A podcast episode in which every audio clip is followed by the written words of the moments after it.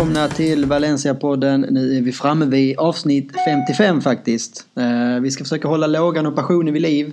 Trots att vi kanske inte, i alla fall i ligaspelet, får riktigt den hjälpen som vi behöver från laget. Vi har en hel del intressant att prata om idag. Ett litet kortare nyhetssvep. Sen har vi två stormatcher får man väl kalla det. Eh, och sen har vi då en match att snacka upp inför helgen. Eh, Marcus Timmernen är tyvärr iväg idag också. Men vi har ett, en bra ersättare här och idag välkomnar vi Makoto Asahara. Väl mest känd, eller bland annat från Viva La Liga-podden. Ja, du, den har fått sånt genomslag. Jag är mest känd därifrån. Det är positivt i så fall. Nej, men eh, jättekul att vara här. Jag är väl inte lika Valencia-insatt som ni grabbar är men jag ska väl göra mitt bästa här. Får vi, får vi se. Jag följer i alla fall spansk fotboll så det är rätt land åtminstone. Precis. Nej, men jag tycker också det är intressant att få med så att det inte bara blir helt eh partiska in, inblickar heller utan ibland är det intressant att se liksom någon som har lite andra ögon på det lite utifrån liksom och se hur de upplever allting omkring klubben. Så att det eh, tycker det är bra mix och balans. Och... Ja, nej, jag, lo jag lovar att inte försöka outa en viss eh, engelsmans namn som väl inte får nämna sin namn i den här podden kan jag tänka mig. Så att jag ska försöka hålla mig från det i alla fall. Ja, vi ser hur det går. Ja, ja. Vi kan väl dra ett kort nyhetssvep här. Kan ju börja med att nämna att eh, Peter Lim är tillbaka i stan. Han var också helgens match mot Sevilla. Eh, efter det hade han många möten med inblandade i klubben. Eh, faktiskt har det inte kommit ut att han haft ett möte med Marcelino utan mest suttit med Alemani och Longoria och såklart Anil Murti. Och så var han ju då, äntligen fick han uppleva en seger på Mestalla igen när han var så Champions League-matchen igår kväll. Och en ganska så bra övergång från Peter Lim är väl att prata li lite om Gonzalo Guedes som har väl varit hela höstens stora frågetecken vad som har hänt med honom och framförallt senaste tiden med hans skada eller icke-skada. Uh, han gick ut efter 60 minuter senast och har sen dess inte tränats alls och var inte alls med mot United och igår kom det också ut då att han ska opereras på fredag och kommer vara borta en och en halv till två månader. Väldigt tråkigt såklart men samtidigt känns det kanske skönt att få ordning på skadan så att det inte blir en massa hattande fram och tillbaka. Ja, alltså det är ju ett jättetapp såklart men samtidigt så som du säger, han har ju inte levererat heller Nej. särskilt mycket under säsongen. Och det, på något sätt har väl den här ligasäsongen varit en säsong där många talanger man har upphausat inte har levererat som väntat. Exakt. Om man ska relatera till ett lag jag följer lite mer med Real Madrid och Marco Asensio till exempel som är jag vet inte vad han sysslar med just nu i alla fall. Och Guedes har varit något mer alltså inte lika dålig på samma sätt men fortfarande så är det ju väldigt mycket pengar som har lagts in. Det är väldigt mycket förhoppningar som har lagts in på en Gonzalo Guedes inför säsongen. Hela sommaren handlar väl i princip om kommer Guedes ja. tillbaka eller inte. Nej, det var ju en av de dyraste värvningarna om inte den dyraste någonsin. Ja. Och han har ju inte alls gått att känna igen. Alltså, så ju det han visade förra hösten och det har också känts som liksom på slutet har hela hans humör också liksom tappat. Han har känts uppgiven och nästan ledsen på något sätt. Eh, så vi får hoppas liksom att han har kanske spelat halvskadad på slutet och det är klart att då, då, då blir väl han också frustrerad när han känner att han inte får ut det han har i sig. Ja, då är väl operation det bästa. Sen väl operationen går som den ska då, att han kan komma tillbaka. För det kommer ju vara en uppdragssträcka där också. Ja, så är det ju.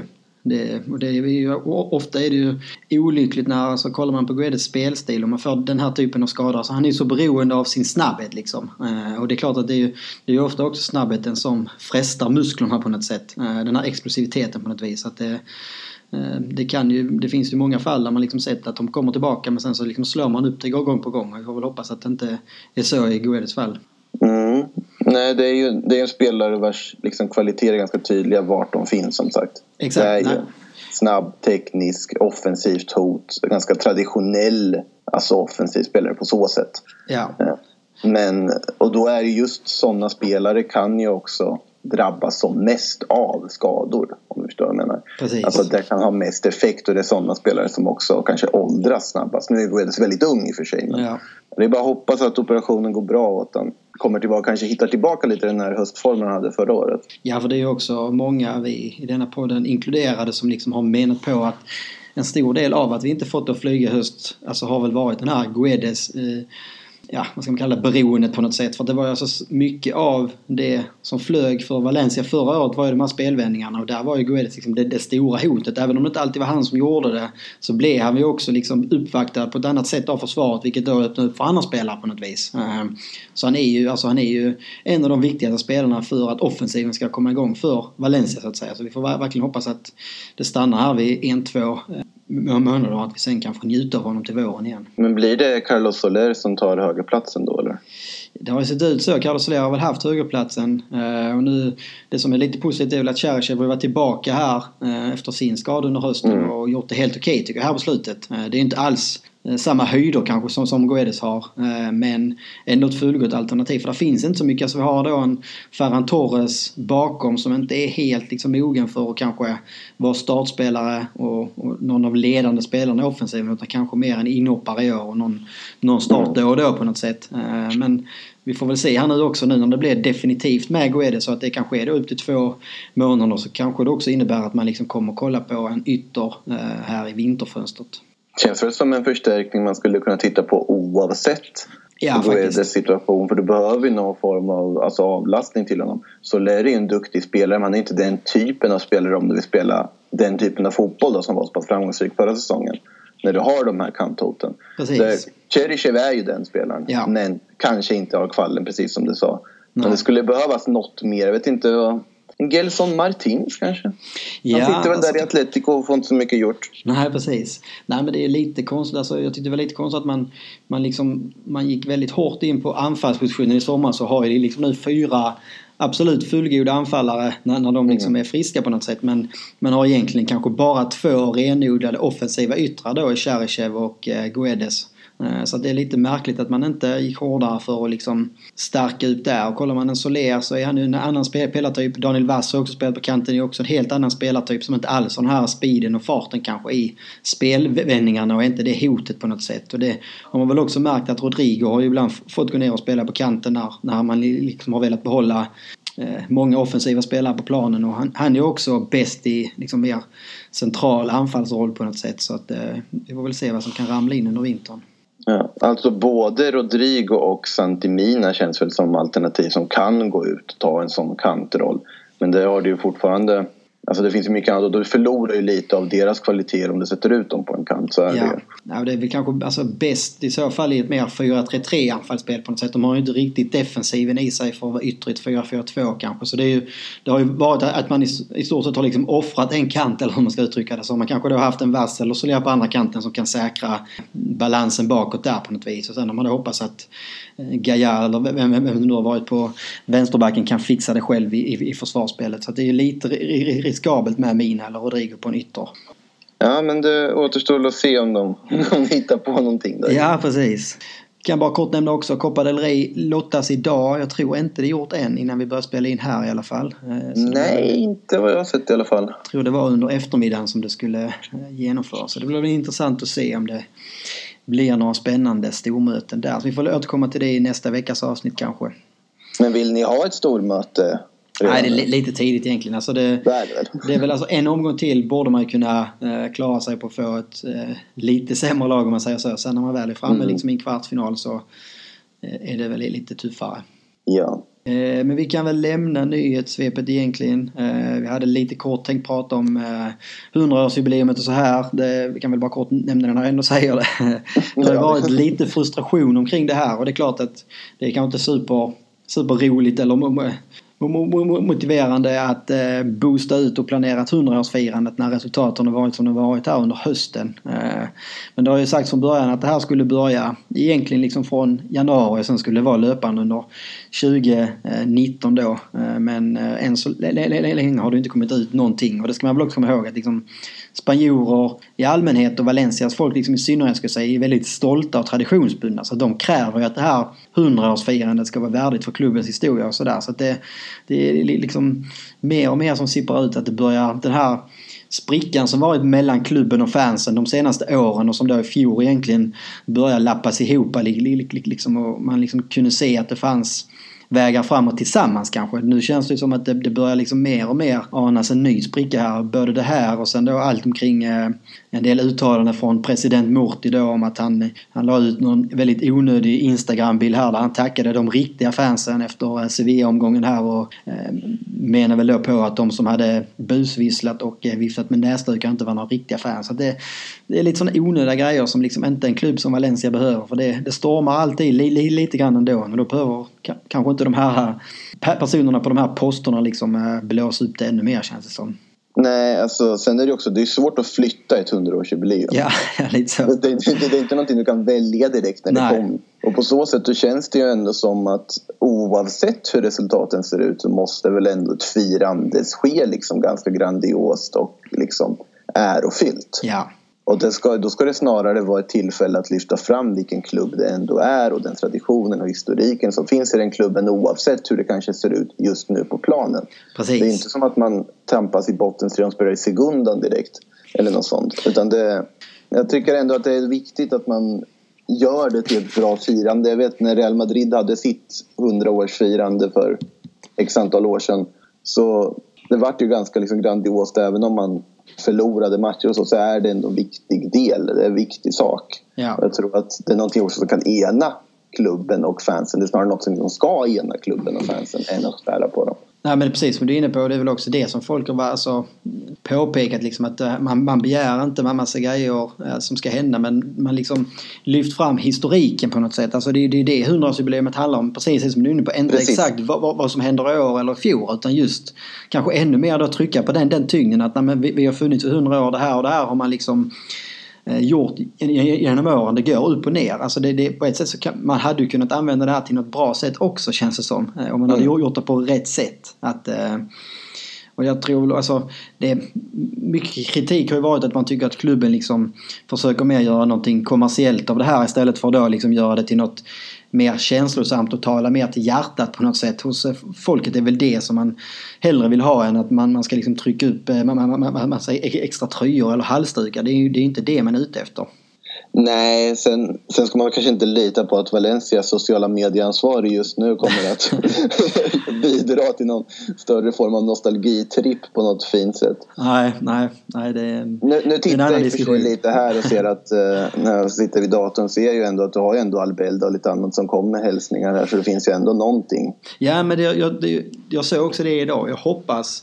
Det kan ju vara att det här, här är planerat sedan länge ändå. Men det, det kan ju också vara att man har liksom tagit till sig av kritiken kan- kanske. För det det är precis det som man, man liksom vill ha. Att man bjuder in gamla le, le- legendarer liksom. Och att de, de är med i olika sorters jippon eller vad man nu ska kalla det. Kanske någon video hit och dit. Och att man liksom ly- lyfter fram Mm. olika grejer i historiken. Det är väl det som, som liksom för mig är ett bra 100-årsjubileum i alla fall.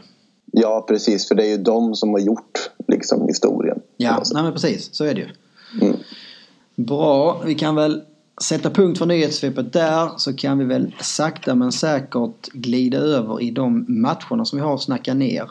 Eh, Vi kan ju börja med ligamatch i lördags. Eh, Det är ju några dagar sedan nu. Eh, Valencia-Sevilla, stormatch på Mestalla, slutar till sist 1-1.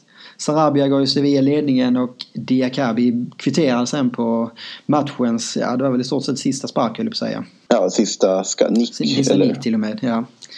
Eh, kort kan man väl säga, det kändes som en match som för Valencias del liknar väl många tidigare matcher den här säsongen. Eh, man, man, man har spelet stora stunder och man liksom kommer till lägena men, men det händer ingenting sen. Eh, och det kändes, det blev en jäkla flygande start här. Det var väl nästan i första riktiga spelsekvensen som det blev en helt otrolig dubbelchans. Först en nick av Garay och sen Santimina på returen som bara ska raka in den men två helt otroliga dubbelräddningar.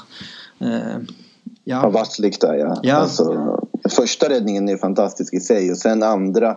Alltså jag tänkte många målvakter hyllas ju väldigt ofta för de här dubbelräddningarna när de kommer upp på en andra situation. Eller när liksom ett skott är väldigt nära. I det där fallet, han gör sig ju stor. Han gör det enda han kan göra i princip. Och sen är ju avslutet för dåligt. Precis. Det är lite som Alissons räddning mot Napoli som tokhyllades. Han gör ju egentligen inte nej. mycket mer än att göra sig stor och sen är det ju snarare ett svagt avslut men samtidigt så ska du ändå göra dig stor så att Ja. det fortfarande Nej, jag håller med. Alltså, första räddningen på Garay är en bra räddning och andra lä- läget är det mer då ett sämre avslut eller man ska uttrycka det. Alltså, Mm. Det känns som Santemina blir lite för säker på att han ska göra mål på något sätt. Jag vet inte. Eh, Man vill ju bara se att han istället för att försöka lugnt lägga in den. Ibland kan det vara bra med det här så bara dunka upp den i nättaket eller någonting. För det känns som hade man fått 1-0 där så hade det ju alltså det är ju det är som att slå in öppen dörr. Det här med att eh, det var väl någon expert som sa att nej, men mål förändrar matcher. Eh, Men det hade ju alltså jag tror Valencia i det läget man är hade man fått liksom ett kunna spela på, på ett mål och få den flygande starten, få med sig publiken. Det, är, det, det är precis den typen av självförtroende som man behöver. Nu blir det istället en första halvlek som jag tycker är bra. Eh, Nu ska jag säga att jag, jag såg faktiskt matchen helt i efterhand. Eh, jag var ute i skogen hela dagen och sprang. Eh, och det, blir, ja. det, var, det, var li, det är lite intressant att se en match i efterhand för jag, jag kunde inte hålla mig från att se resultatet ska jag säga med. Så det blev med lite andra ögon. Alltså jag hade då läst en del eh, vad folk tyckte, jag hade sett resultatet och mm. sådär. Så jag hade nog väldigt låga förväntningar. Till, alltså, för de första rapporterna man såg var att det var, ja, men det var en ny skitmatch och det var hit och dit. Och framförallt första halvlek då blev jag ju extremt positivt överraskad egentligen för att man, man skapar ju väldigt många lägen. Eh, sen är det ju som det varit under hela hösten liksom att man sätter inte dit dem. Det är det, är det som egentligen har varit Valencias stora problem. Han har gjort minst mål i ligan och man har väl snart nästan också släppt in minst. Så att det är offensiven som är det absolut största problemet. Ja, sen, sen Sevilla är ju också ett lag som förvånansvärt fort har börjat fungera väldigt bra. Ja, det ska man säga. Absolut. Och där är det ju högst medvetet av dem, tror jag, i en sån match att kanske låta Valencia föra det mesta av spelet. De får såklart en del chanser på det också. Och sen liksom göra något vettigt av de chanserna Sevilla får. Ja. Ett 1-0 mål så pass tidigt hade ju liksom kastat om hela matchins matchbild. Det hade blivit väldigt intressant att se vad som hade kunnat hända då. Nu får ju Sevilla matchen lite dit de vill på ett sätt. De får det här målet och sen, ja nu fick de inte segern men... Nej. Nej men jag håller med. Alltså det blir ganska tydligt också att det är liksom två lag i varsin ände av den här självförtroendeskalan på något sätt. Mm. För jag är inne på, som du, du säger, fast Valencia dominerar första halvlek tycker jag. Och man skapar absolut flest chanser så känns det aldrig som liksom Sevilla blir stressade på något sätt. Utan de, nej. nej man, man, liksom, man trummar på, man tror på sin plan, man vet vad man kan liksom. Och sen så får man då ett mål här i början av andra halvlek och sen alltså, e, e, e, efter målet så blir det också en total scenförändring tycker jag. För att efter det är det ju Sevilla som kan, kan, kan spela på det såklart men eh, Valencia blir liksom stressade väldigt snabbt och tidigt och det är ju egentligen ett litet under att inte Sevilla gör. För efter Sarabias mål så har man ju några riktiga lägen. Framförallt är det väl... Eh, ja, den där stolpträffen. Precis, där André Silva där. Ett kont- alltså en, en enorm kontring får man säga. Det är väl Quincy Promes som drar fram den och... Eh, Superaktion av Promes där ja. man tar sig igenom och, och vidare sen, till Silva. Men som sagt, Sevilla är ju ett lag med extremt självförtroende som fungerar väldigt bra. Ja. Och i alla fall enligt mig är det alltså klart positivaste överraskningen. Liksom, det kanske det alltså formstarkaste laget sett till förutsättningar i hela ligan. Ja, absolut. Vad, vad de gör och hur de spelar och den liksom trygghet som finns i Machins där ja, trebackslinjen som man har satt nu också i Sevilla. Det, oerhört imponerande att se faktiskt. Lite kul att se tycker väl jag också. Men frågan är också 1-1 om man tänker så och tvärtom. Att Valencia gör 1-0 målet och sen så är Sevilla som kvitterar på slutet. Nej, det känns precis. ju ändå som att det hade bidragit till liksom mer vad ska man säga, polemik och illvilja i klubben än att man nu får den här kvitteringen och snarare ser att man vunnen poängen.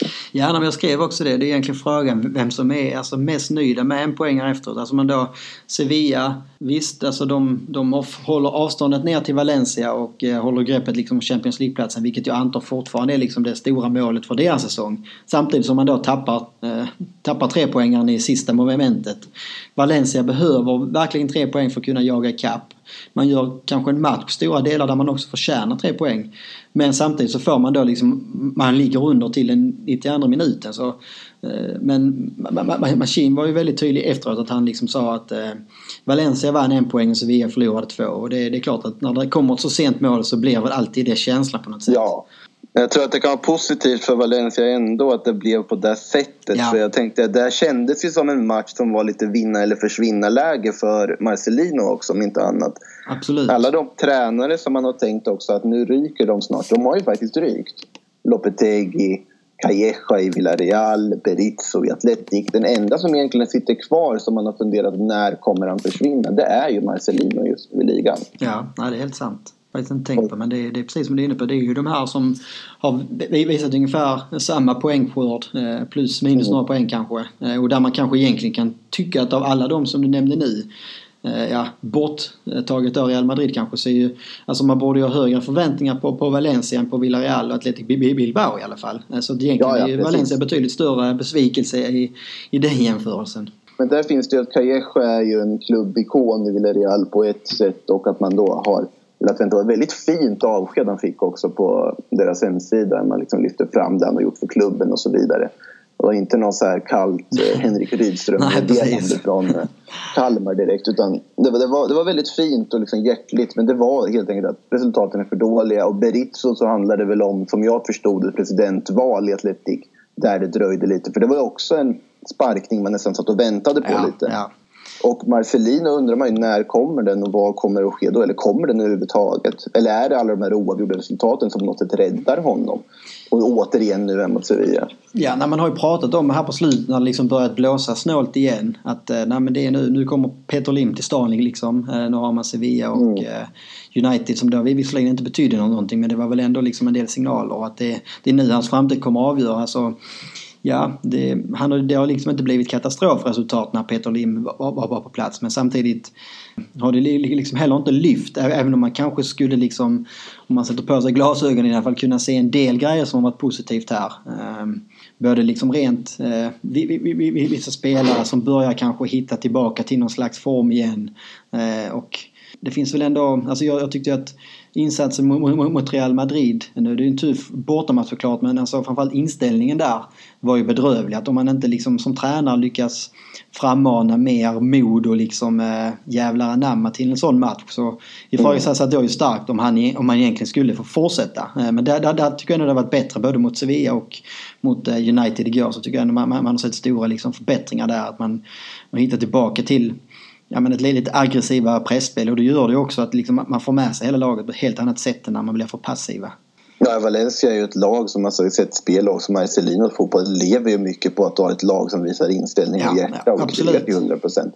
Det, är ju, alltså, det funkar ju inte helt enkelt för det är inte så att den baseras på individuell skicklighet och att någon gör det där lilla extra och avgör matcher utan det är ju ganska kollektivt lag på så sätt. Och det var ju det som var framgången för Valencia förra säsongen. Ja, no, det var ju det som man började ifrågasätta en del när det kändes som också taktiken var lite ändrad liksom istället för att i fjol så var det ju alltså det är nästan sån här klopp fotboll att när man vann äh, återröra bollen så att säga så var det liksom en, två touch. Sen så var det liksom en snabb omställning och sen så ibland mm.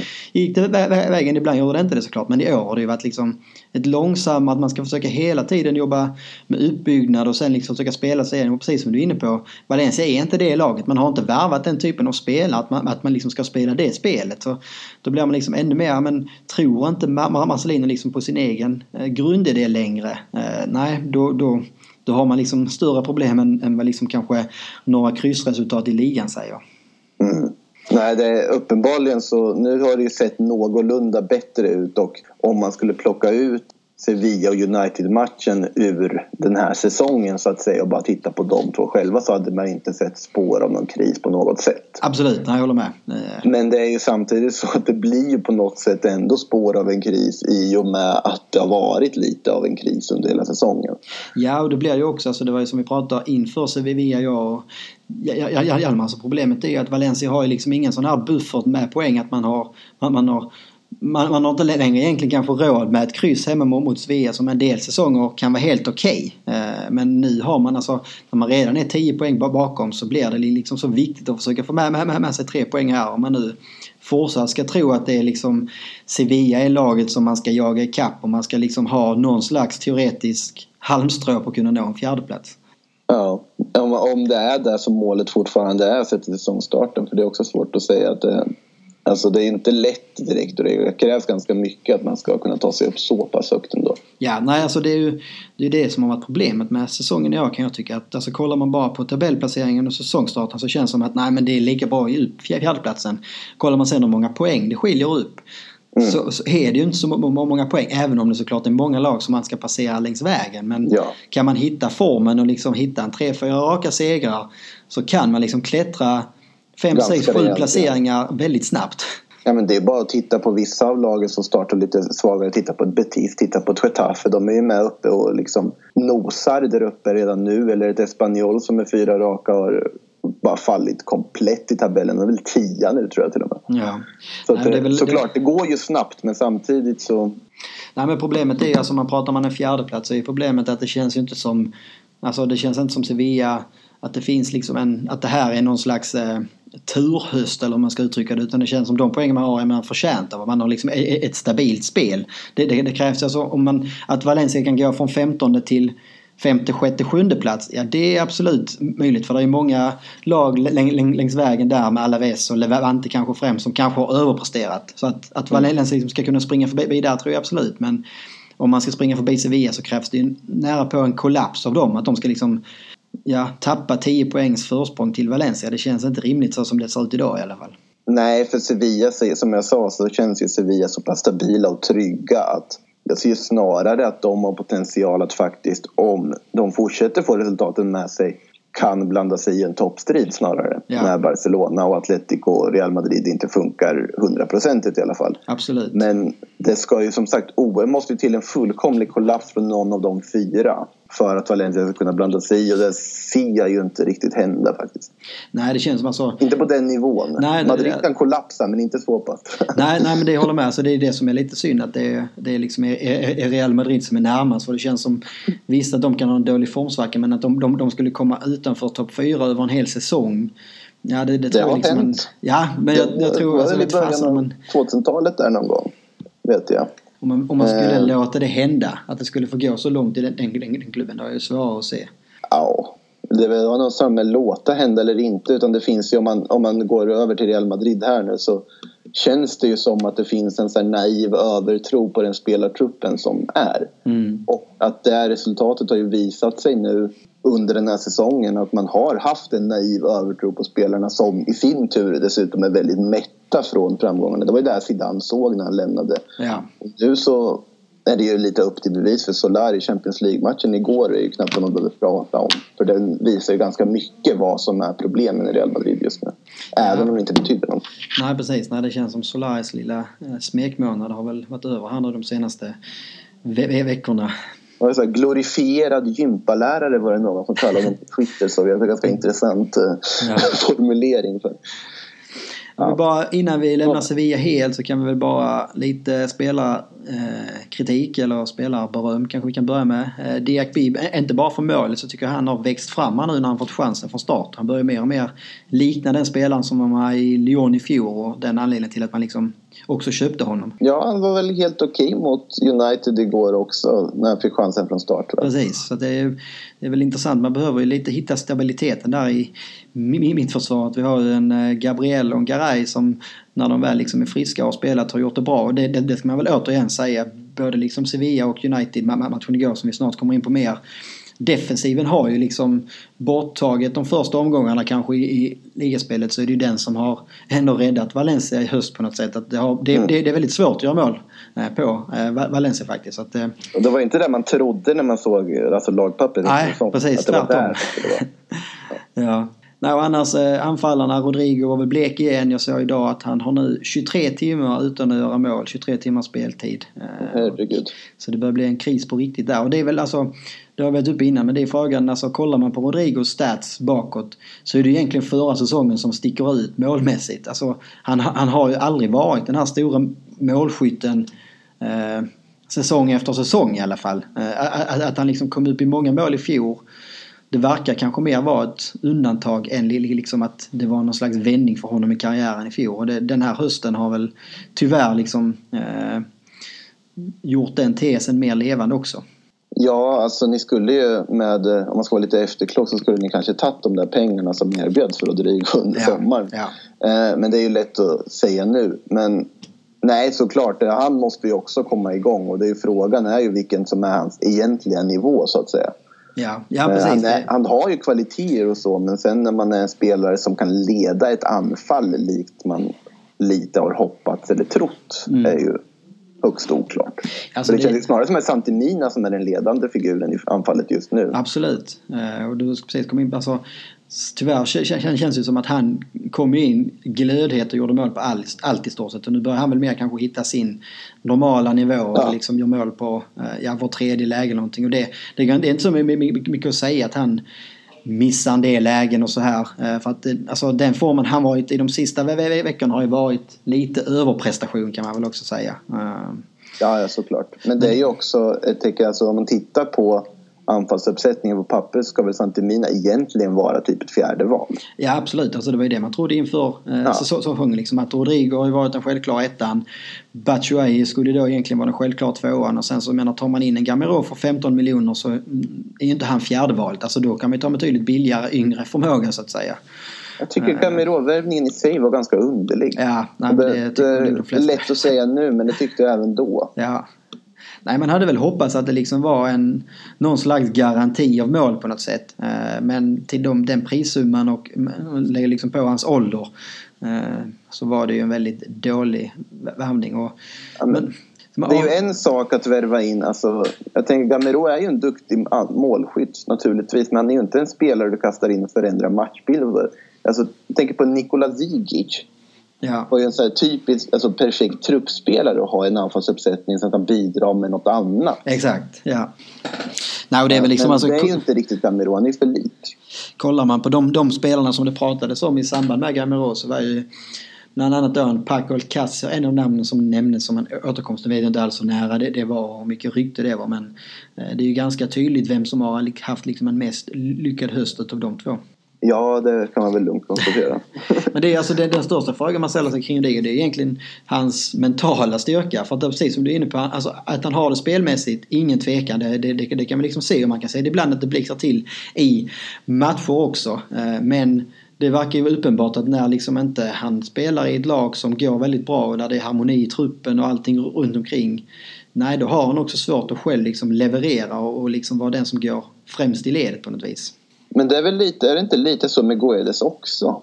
Ja, Guedes alltså, känns som han har alltså, kortare tid att bedöma på något sätt. Alltså, han gjorde ju det bra i Portugal. Eh, sen PSG har han ju aldrig riktigt fått chansen kanske. Sen har han Nej, en och en halv säsong i Valencia. Så det är lite för tidigt att döma ut där kanske. Eh, men än så länge absolut. Ja men nu menar jag liksom i nu, alltså stadiet just nu. Guedes ska mycket väl bli den spelaren. Ja.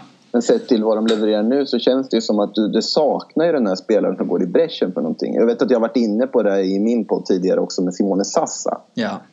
Att en sån spelare som liksom kan väcka igång ett lag på så sätt även om kanske kvaliteter inte är på samma nivå. Det saknas i Valencia idag. Det saknas den här liksom jävla Ranamma någon som spelare. Någon som kan bara det Diego Costa typ. Liksom. Ja, nej, men det saknas en tydlig ledare överlag. Alltså det, att vi har ja. Parejo som, som kapten är väl det bästa liksom, exemplet på det. Att det är ett ledarlöst lag och man inte har någon bättre lagkapten än Dani Parejo.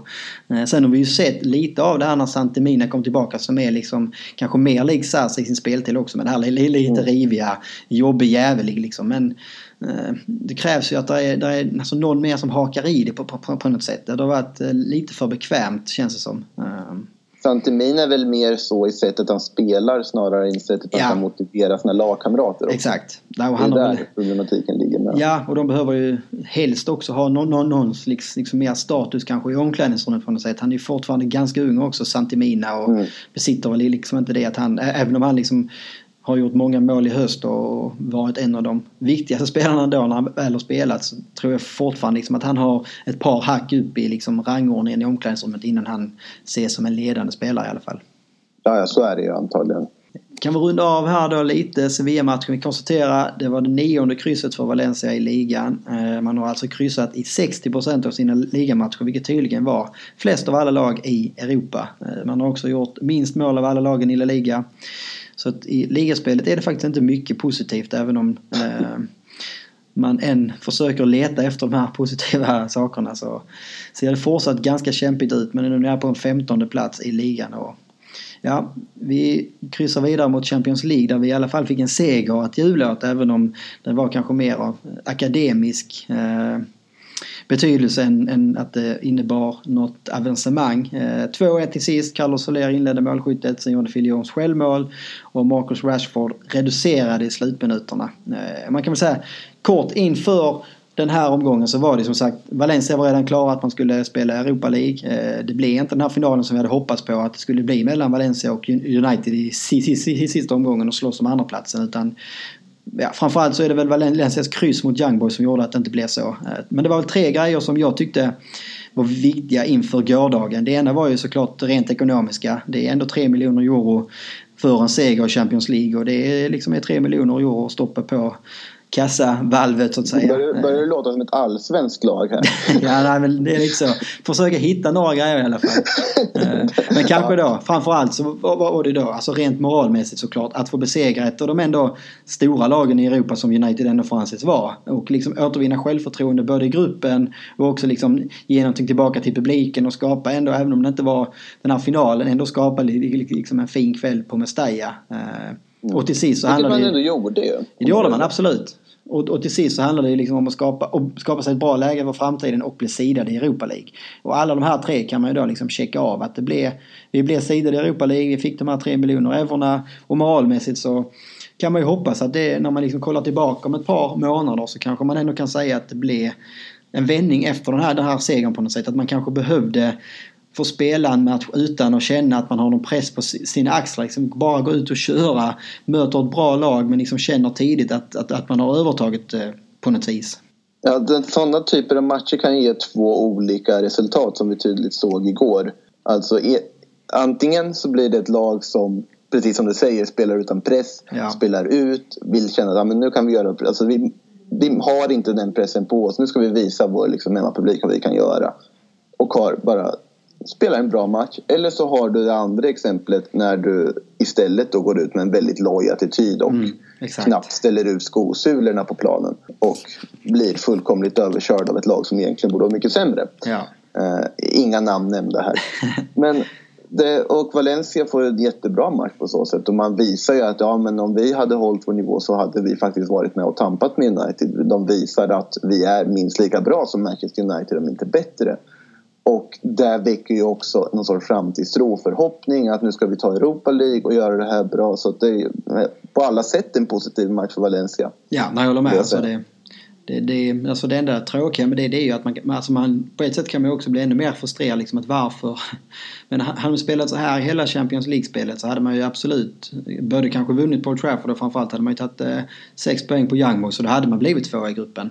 Eh, men, men jag håller med, det gäller väl att se det positiva här att nu går man in i ett Europa League liksom med betydligt bättre självförtroende eh, och att man också kanske kan, kan ta med sig den här insatsen till ligaspelet att när vi, vi liksom, nu åker man och ska möta Ibart i helgen. Det gäller liksom att studsa tillbaka snabbt och, och om man nu liksom svävar iväg igår, vilket jag inte hoppas man gjorde och vilket är helt orimligt att göra efter en seger.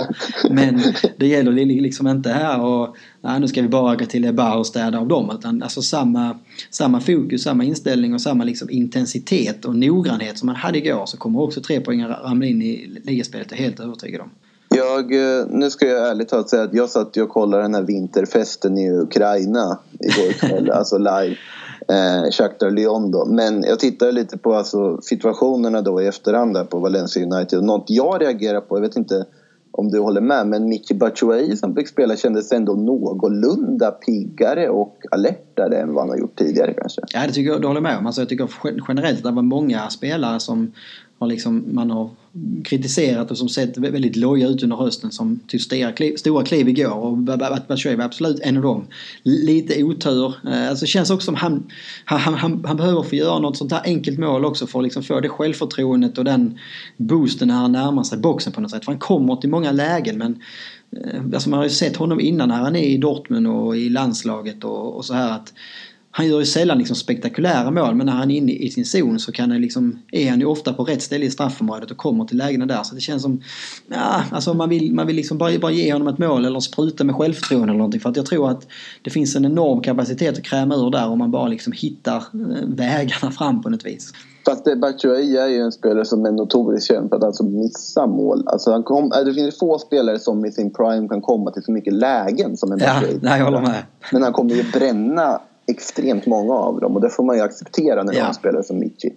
Något jag reagerade lite på och tyckte var kul var på Phil Jones självmål där. Jag vet inte om du noterar det? Att, han, han, han pekar. Att de ropade ut Batshuayi i högtalarna. Ja, men ja. han själv var ju liksom nej, nej, nej, det där var inte jag. Nej, nej. Vissa spelare där med dålig skillnad försökte plocka det där målet. Ja, Ja, nej precis. Det, det kändes det, som... Som ett leende också. Det kändes som en liksom mer avslappnad Batshuayi. Ja. En avslappnad Batshuayi är väldigt nyttigt att ha för Och det, alltså, det är väl det, men alltså, nu hade han säkert lite extra peppad igår. Han spelar ju då mot Lukaku liksom. Det är väl de som slåss om anfallsplatsen i Belgien. Ah. Där, där var han ju liksom Batman på knockout också. Han var ju helt osynlig för United. Så att, och det jag tyckte också, vi gick in på lite fler spelare. Piccini gjorde en riktigt bra match på högerbacken. Har väl också tagit tillbaka sin plats där och ska väl också få en liten revival här på podden på något sätt.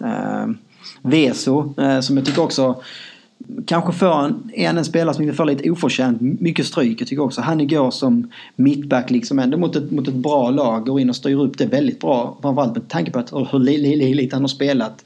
Eh, framförallt då mittback på slutet där. Så att det är, försvaret återigen liksom är liksom den, det stora som man tar med sig. Eh, Parejo och Kondogbia var liksom, börjar mer och mer likna också det inomhutfältsparet som vi såg i fjol. Eh, men den stora chefen för mig där ute var ju Carlos Soler igen som både gör målet och som hela tiden, ja det känns liksom som att han, jag vet inte, han, han, han var på en annan nivå igår.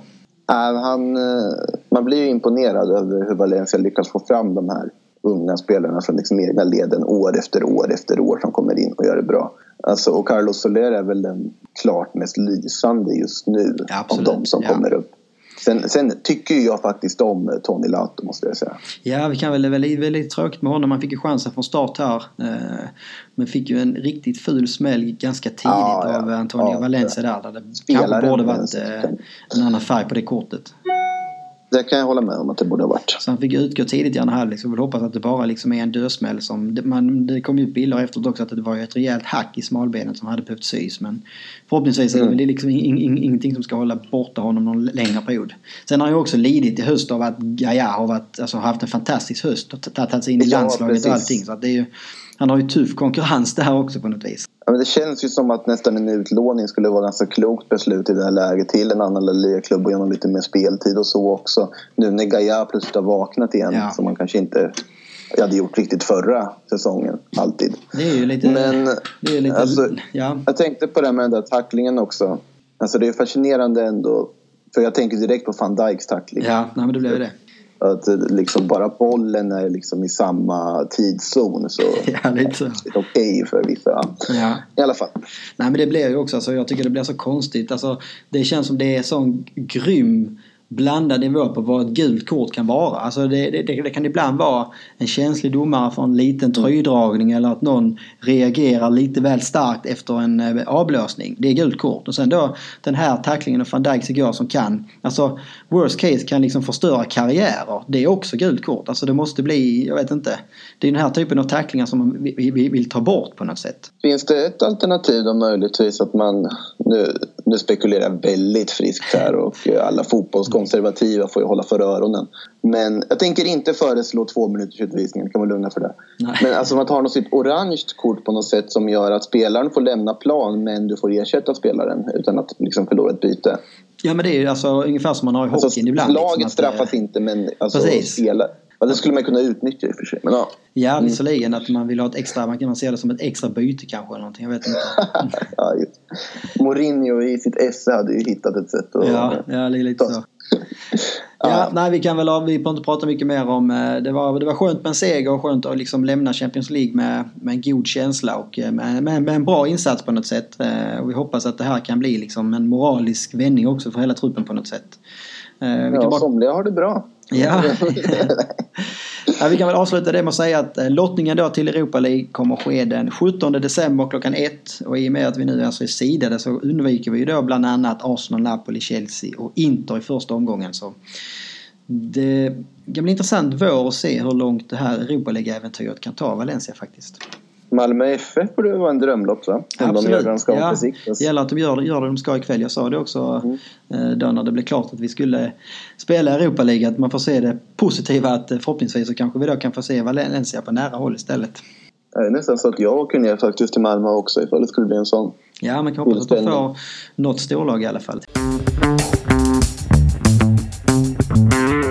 Vi kan väl eh, rulla över till nästa lilla punkt på agendan. Tiden tickar iväg. Eh, men eh, vi tänkte ju ha en ve veckans snackis omkring Peter Lim. Eh, denna evige eh, evige snackis höll jag på att säga. Eh, nu skulle vi väl egentligen lite grann kanske gå in i eh, försvarsläge för PP Peter Lim och egentligen prata om Peter Lim och den, den närmaste framtiden kanske men också den närmaste tiden som har varit. Eh, jag skulle vilja påstå att Lim gav ju laget och framförallt Marcelino och Alemani i somras precis allting man pekar på. Man fick in Guedes för 40 miljoner, man fick in starka anfallsförstärkningar. Man fick in en högerback som Marcelino hade pekat ut. Man, man, man, såg till att behålla nyckelspelare som Rodrigo, Gaia och Soler. Eh, fast liksom andra klubbar var och ryckte i dem. Och man dukade upp ett bord och en bästa transfersommar på länge kanske inför det här jubileumet. Mm. Eh, nu kommer Peter Lim tillbaka till klubben. Tre och en halv månader senare. Han får höra liksom att publiken sjunger Lim, vet ja det är liksom vita näsdukar, det är en femtonde plats i ligan. Man är utslagna av Champions League redan innan sista omgången.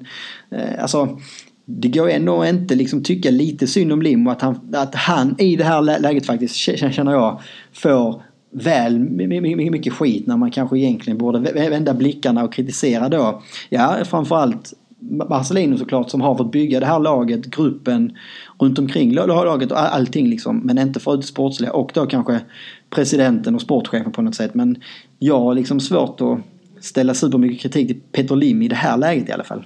Nej, det, det kan jag väl som utomstående hålla med om också. Att det känns ju ändå som att där har ni fått en ägare som ändå ser till klubbens bästa på något sätt. Att han vill förstärka, han investerar i klubben. Vi har ju skräckexempel på andra länder. Jag tänker i Newcastle man sitter och väntar på att Mike Ashley ska sälja klubben ja. varenda dag och det blir som... Ja, det är liksom helt sjukt egentligen. Men Lim är verkar i alla fall vara en som genuint bryr sig, värvar in. Bara det faktum att man ändå kommer och tittar på matcherna säger väl någonting också.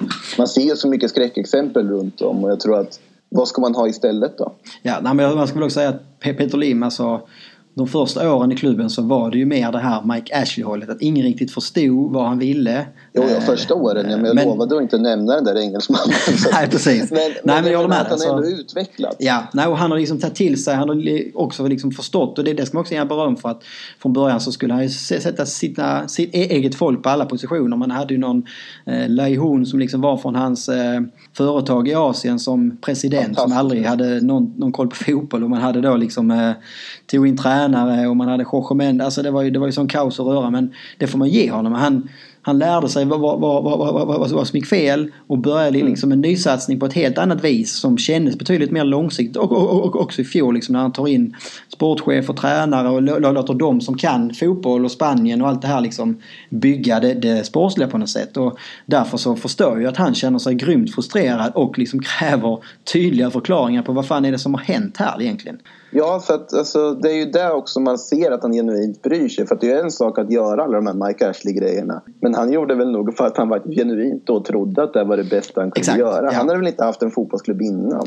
Nej, och han gjorde framförallt inte det vad det kändes som av ekonomiska skäl. Alltså jag har svårt att säga att han tjänar no no någonting på de här kaosåren som det kanske känns som en del klubbägare. De liksom snålar som fan och så går det åt helvete för klubben. Men de ekonomiskt sett kommer ur det bra Alltså det kändes mer, mer som att Peter Lim trodde att det var så här han skulle liksom få Valencia mm. på fötter igen. Och sen visade sig att nej, det var precis tvärtom. Ja men okej, då börjar vi om igen. Ja, det är en väsentlig skillnad där. Liksom. Ja, det är en väsentlig nej, skillnad att du gör ett fel och sen uppenbarligen har ni bättre sig. Annars skulle han inte gjort, nej. alltså ändrat någonting. Annars skulle han fortsatt med kaoset på samma sätt om det var det som var. Precis. Liksom.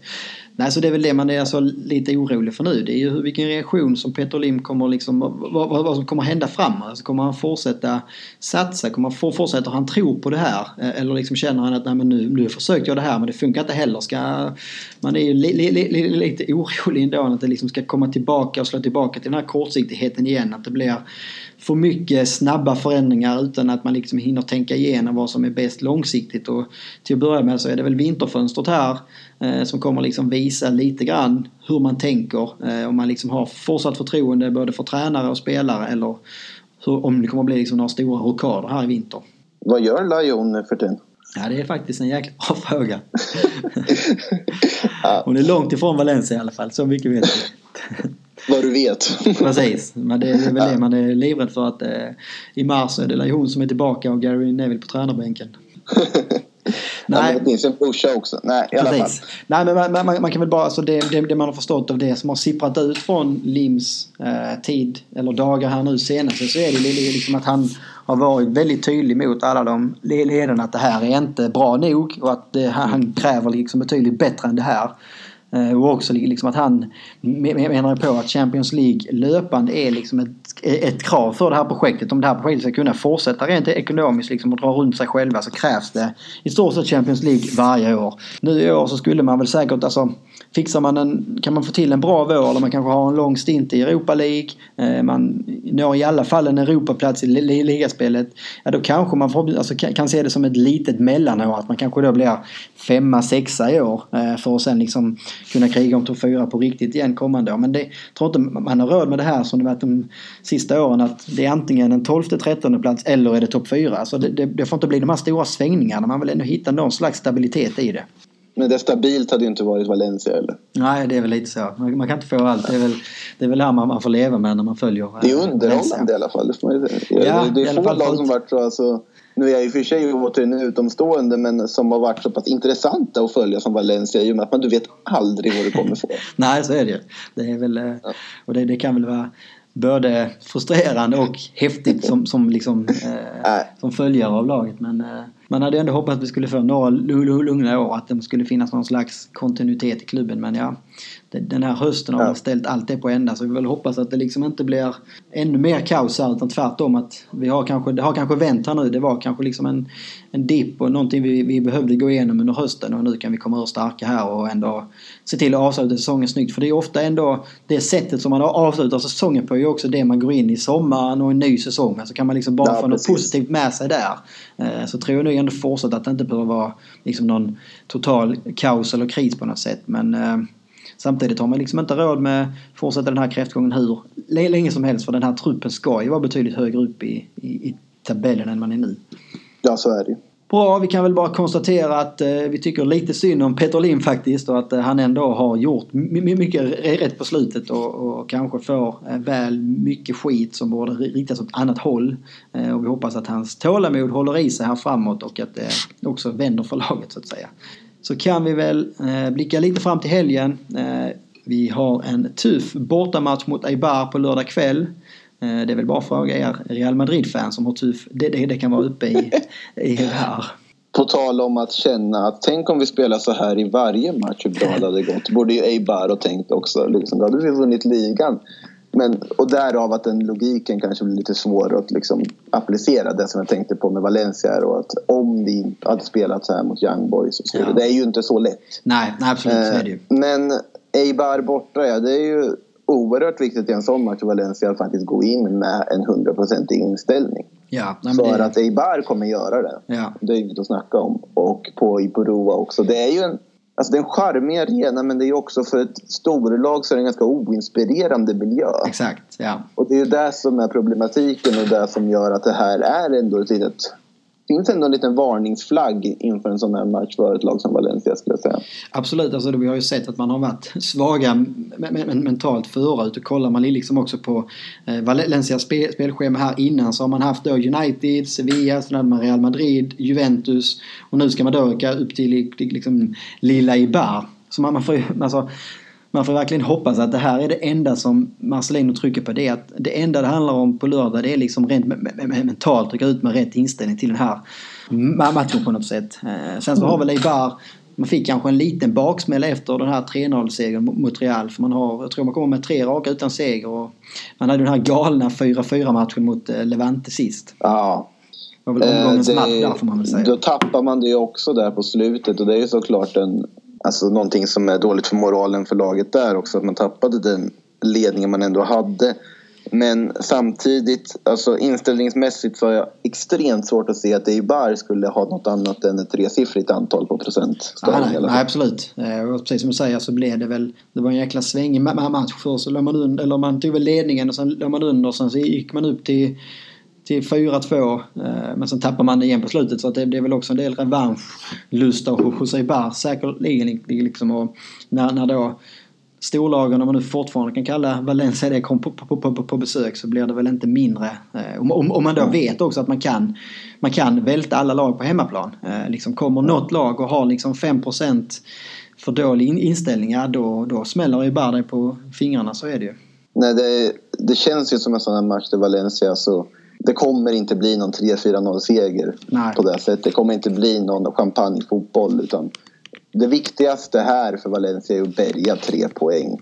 Det får ja. se ut hur det vill lite så. Lite ja. som mot Getafe när ni spelade. Precis, ja men det gäller ju alltså, det gäller att börja hitta de segrarna också. De, ja. alltså, det behöver inte alltid vara liksom en 110% i champagnefotboll för att du ska ta tre poäng. Utan fine, ök upp, ta en uh, smash and grab 1-0 seger och åk hem igen. Alltså det, det är mm. helt fine nu. Nu handlar det bara om poängen och inte... Och inte alltså det, går, för det, det går inte heller att gömma sig längre bakom att spelet ser okej ut men vi vinner inte. Det, det, det kan man göra en, en, en, tid men den tiden är sedan länge ute för Valencia. Nu skitsamma hur det ser ut. Nu är det bara tre poäng som gäller. Lite det, skador. Det är precis den inställningen du måste gå in och göra med alltså spela på det sättet som är bäst chans att ge tre poäng. Så Exakt, ja ja. Så är det. Lite skadefrågetecken finns. Eh, en Kondobia som haltade av igår med en liten lårskada så han lär inte finnas med mot Eibar. Eh, Tony Lato som vi var inne på innan, förhoppningsvis var det väl bara en dödsmäll att han är okej till helgen. Gabriel var ju också borta igår och det är väl också frågan om han hinner tillbaka till helgen. Coquelin och Rodrigo däremot ska väl vara aktuella för att kunna gå in från start igen och mest troligt kanske då även en, en Garay eh, som hoppade in igår. Guedes som vi sagt innan, han är ju borta en tid här nu. Eh, Kevin Gamerola inte heller var tillbaka till helgen. Så det blir väl eh, kanske då som jag sa Rodrigo som går tillbaka in från start och får fortsätta kanske med Santimina som de har haft ett bra samarbete där. Eh, och så mest troligt då ett längre inhopp kanske för Batshuayi. Mm. Det har jag inget att säga emot i alla fall. Nej. Jag tror du har bättre koll på det där än vad jag har. vi har ju en liten eh, sån här scorecast i podden där vi tippar eh, slutresultat och första Valencia-målskytt som vi brukar avsluta varje poddavsnitt med. Oj, oj. Så då, ja. som gäst så får du ju börja här och eh, tippa vad du tror då i, i barmatchen. Ja, men ska jag vara lite positivt inställd då till det här? Då? Så jag säger att ni krigar till er en 1-0 seger. Ja. Eh, och jag tror faktiskt att det är Micke som efter inhopp gör det i typ 75 eller någonting. Ja, men det låter väl inte helt otroligt. En tät match fram till dess.